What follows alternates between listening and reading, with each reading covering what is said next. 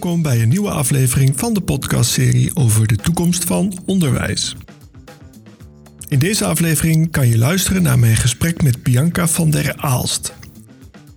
Bianca is binnen Fontis Hogescholen werkzaam als consultant onderwijsvernieuwing en ICT bij de dienst Onderwijs en Onderzoek. Mijn naam is Ronald Scheer en ik wens je veel plezier bij het luisteren naar mijn gesprek met Bianca van der Aalst.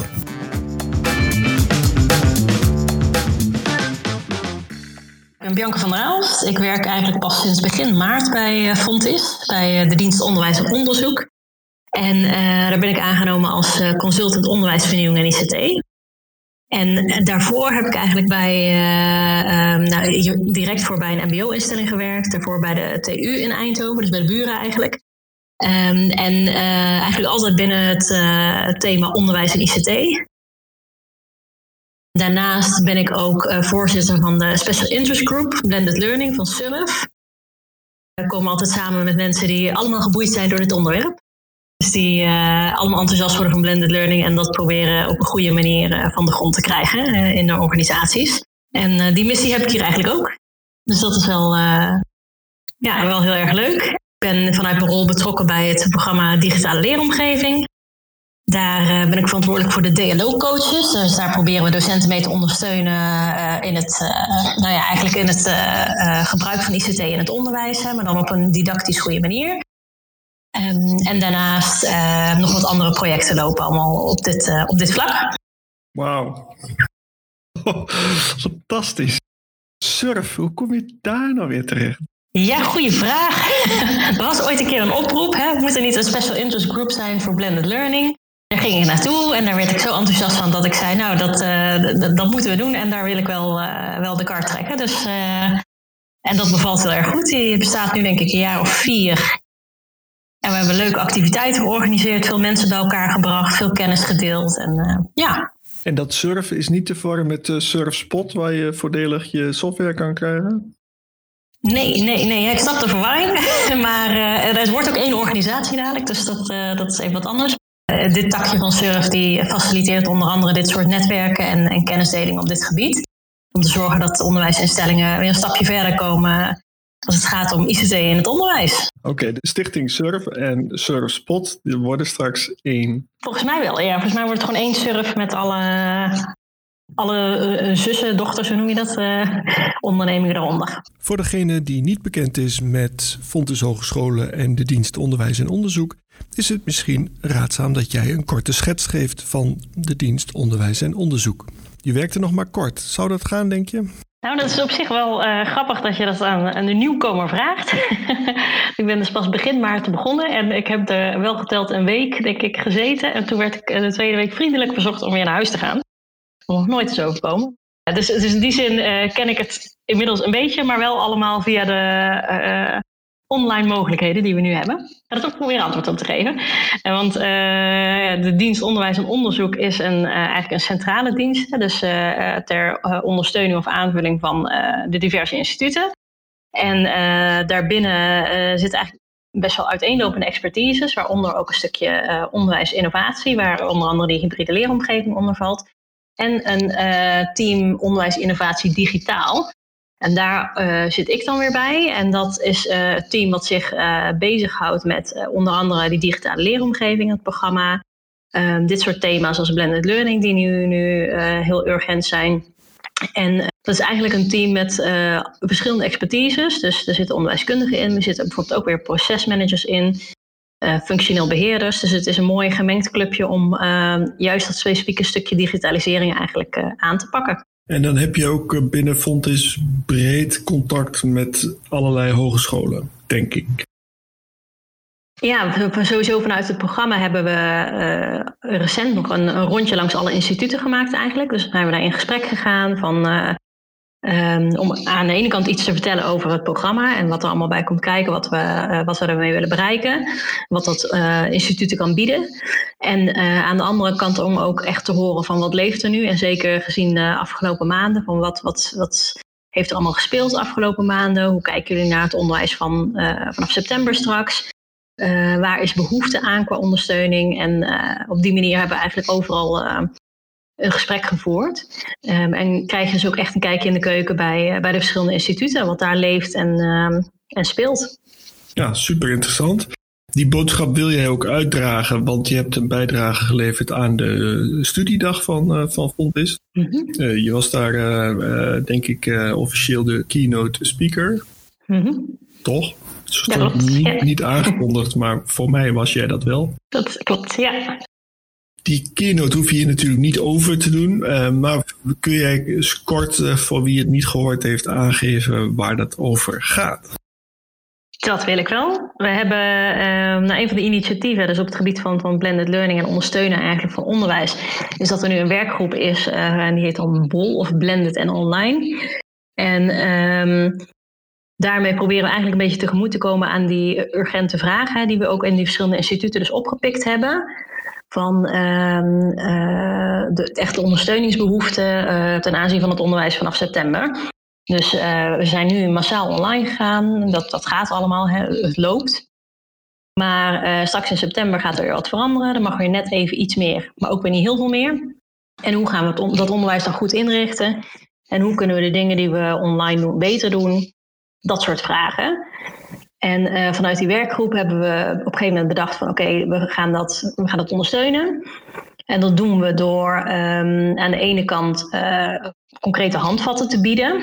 En uh, een van die handvatten, of eigenlijk het kapstokje wat we erbij gebruiken, is eigenlijk een ontwerptool. En uh, het idee is dat docenten daar zelf mee aan de slag kunnen. Dus dat ze op basis daarvan zelf het onderwijs kunnen gaan herontwerpen.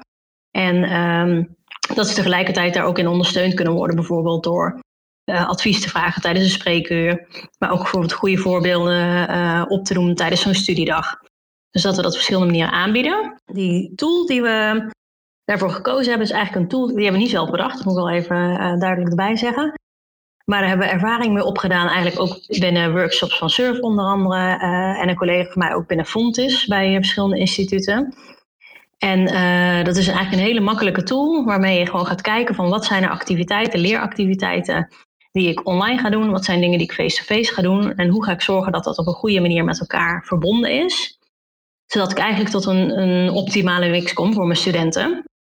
En um, die tool die noemen we de Blended Learning Wave. En die hebben dus geïnspireerd op.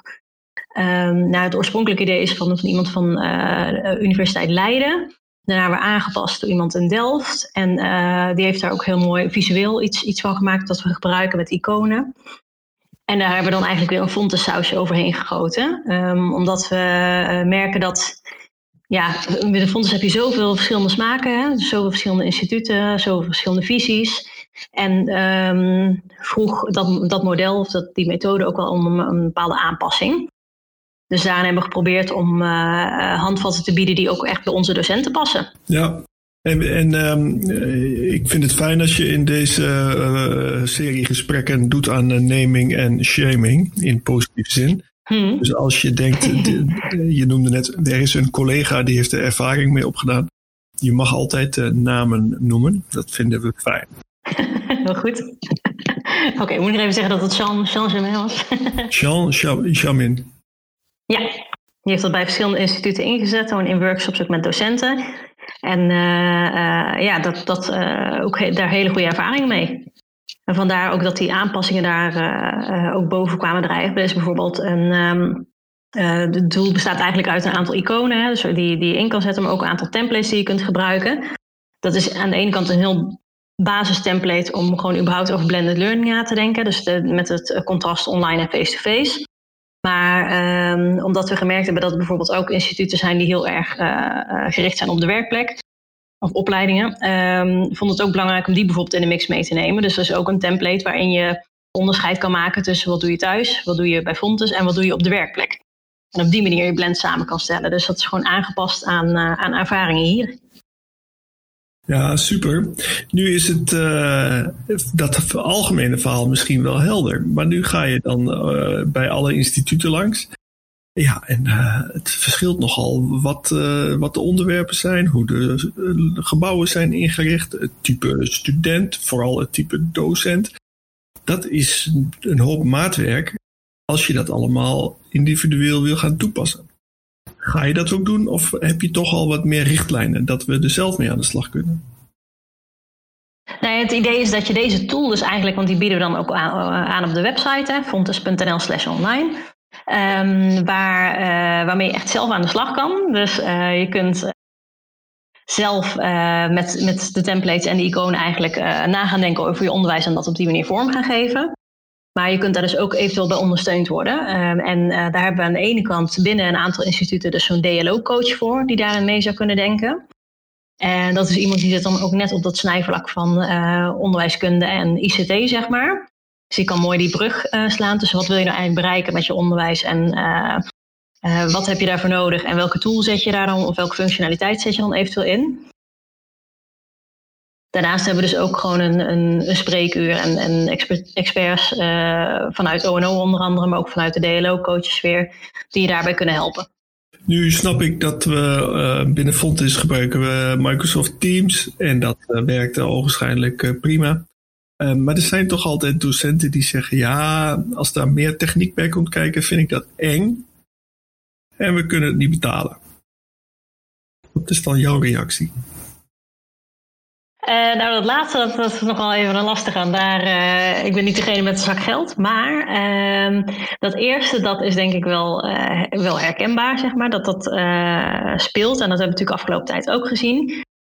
Maar op het moment dat de situatie erom vraagt, dus als die urgentie er zo is, dan kan er ineens een heleboel, hebben we ook gemerkt. En uh, is koudwatervrees eigenlijk niet meer, dat, dat kun je niet meer veroorloven als het ware. Je moet gewoon. En uh, dat heeft ook wel heel erg geholpen, denk ik, in deze eerste stap om het onderwijs online te krijgen. Dus dat die, die drempel van ik durf niet of ik kan het niet of je hebt geen keus, was het eigenlijk.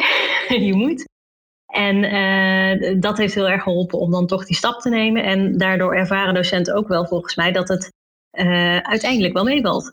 Dus dat het niet zo heel ingewikkeld hoeft te zijn. dat ze daar ook best wel dingen in kunnen. En voor sommigen die, die kunnen ineens hele grote stappen maken. En anderen zijn dat kleinere stapjes. Maar dat is natuurlijk ook oké. Okay. Je hoeft ook niet alles in één keer om te gooien als het ware. Dat is ook niet het doel. Maar op die manier kan iedereen denk ik in zijn eigen tempo daar wel in mee. Nu heb ik een afbeelding gezien waarin een, uh, een lijn, een slingerende lijn stond afgebeeld. Het zal de wave zijn en mhm. daar stonden wolkjes met, denk ik, woorden in. Is het, een, is het leuk om een paar van die dingetjes te highlighten, om op die manier die learning wave uit te leggen? Nou, wat misschien wel leuk is om uh, toe te lichten, uh, is dat je dus uh, met, die wave eigenlijk een. nou, laten we even uitgaan van die tweedelingen, dus online en face-to-face. -face. Um, dan kun je daarin eh, gaan bedenken van wat ga ik doen. Je neemt een, een even een eenheid of een, een doel in gedachten. Um, dat je zegt, nou, dit wil ik dat mijn studenten gaan leren. Of dit wil ik ermee bereiken. En um, van daaruit kun je dan gaan bedenken van oké, maar wat heeft de student dan nodig om dat te kunnen leren en ook uiteindelijk te kunnen laten zien dat ze dat kunnen. Dus dan kun je gaan bedenken van ze moeten bijvoorbeeld een opdracht maken waarin ze iets gaan toepassen. Uh, waardoor ze laten zien, of in ieder geval ergens mee oefenen. En laten ook laten zien dat ze dat dus beheersen. Um, die kun je dan bijvoorbeeld ofwel online of face-to-face plaatsen. Um, en gezien de huidige situatie zou ik zeggen, altijd even uit van dat je alles online doet. En um, kijk later waar de mogelijkheden zijn om dat weer face-to-face -face te doen. Maar stel je voor, die plaats je dan online.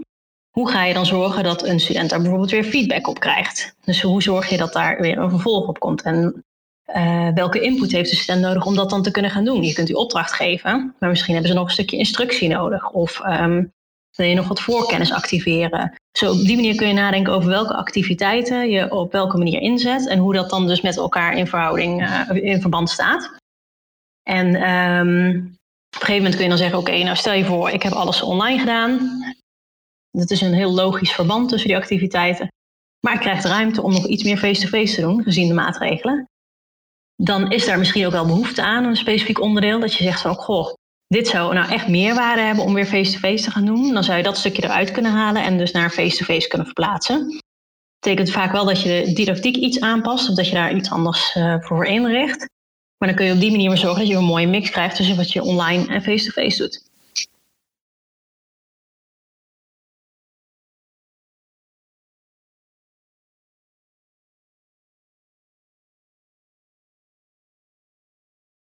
Net een gesprek over uh, virtual reality op het gebied van uh, gezondheidszorg. Waarin je een hart digitaal kan maken, dat je er doorheen kan lopen. probeer te denken hoe, hoe zoiets past in die digitale wave. Nou, dat zou dan een. Hangt een beetje vanaf natuurlijk hoe je dat inricht en wat, wat het doel daar dan van is. Is het de bedoeling dat ze dat dan dus voor het eerst zien? is het een soort van instructie eigenlijk? Zo ziet, ziet dat hart eruit. Um, zo klinkt het dan een beetje. Dan, zou dat dus een element zijn wat je dan dus in dit geval online aanbiedt. Um, en gaat het om een stukje instructie geven waar wij dan een icoontje voor hebben, wat je daarin plaatst. En je gaat dan vervolgens inderdaad uitwerken hoe je dat dan precies gaat doen. En daar zou dit een hele mooie vorm van zijn.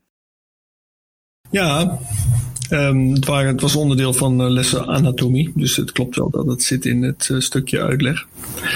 Um, en uh, vervolgens waren er ook uh, 360 graden camera's om de na te bootsen dat je in een operatiekamer staat dan zou je eh, op school nog ter plekke een pop kunnen hebben liggen waar je ehm, een handeling ehm, voor het aanbrengen van iets in de luchtpijp genaamd intuberen.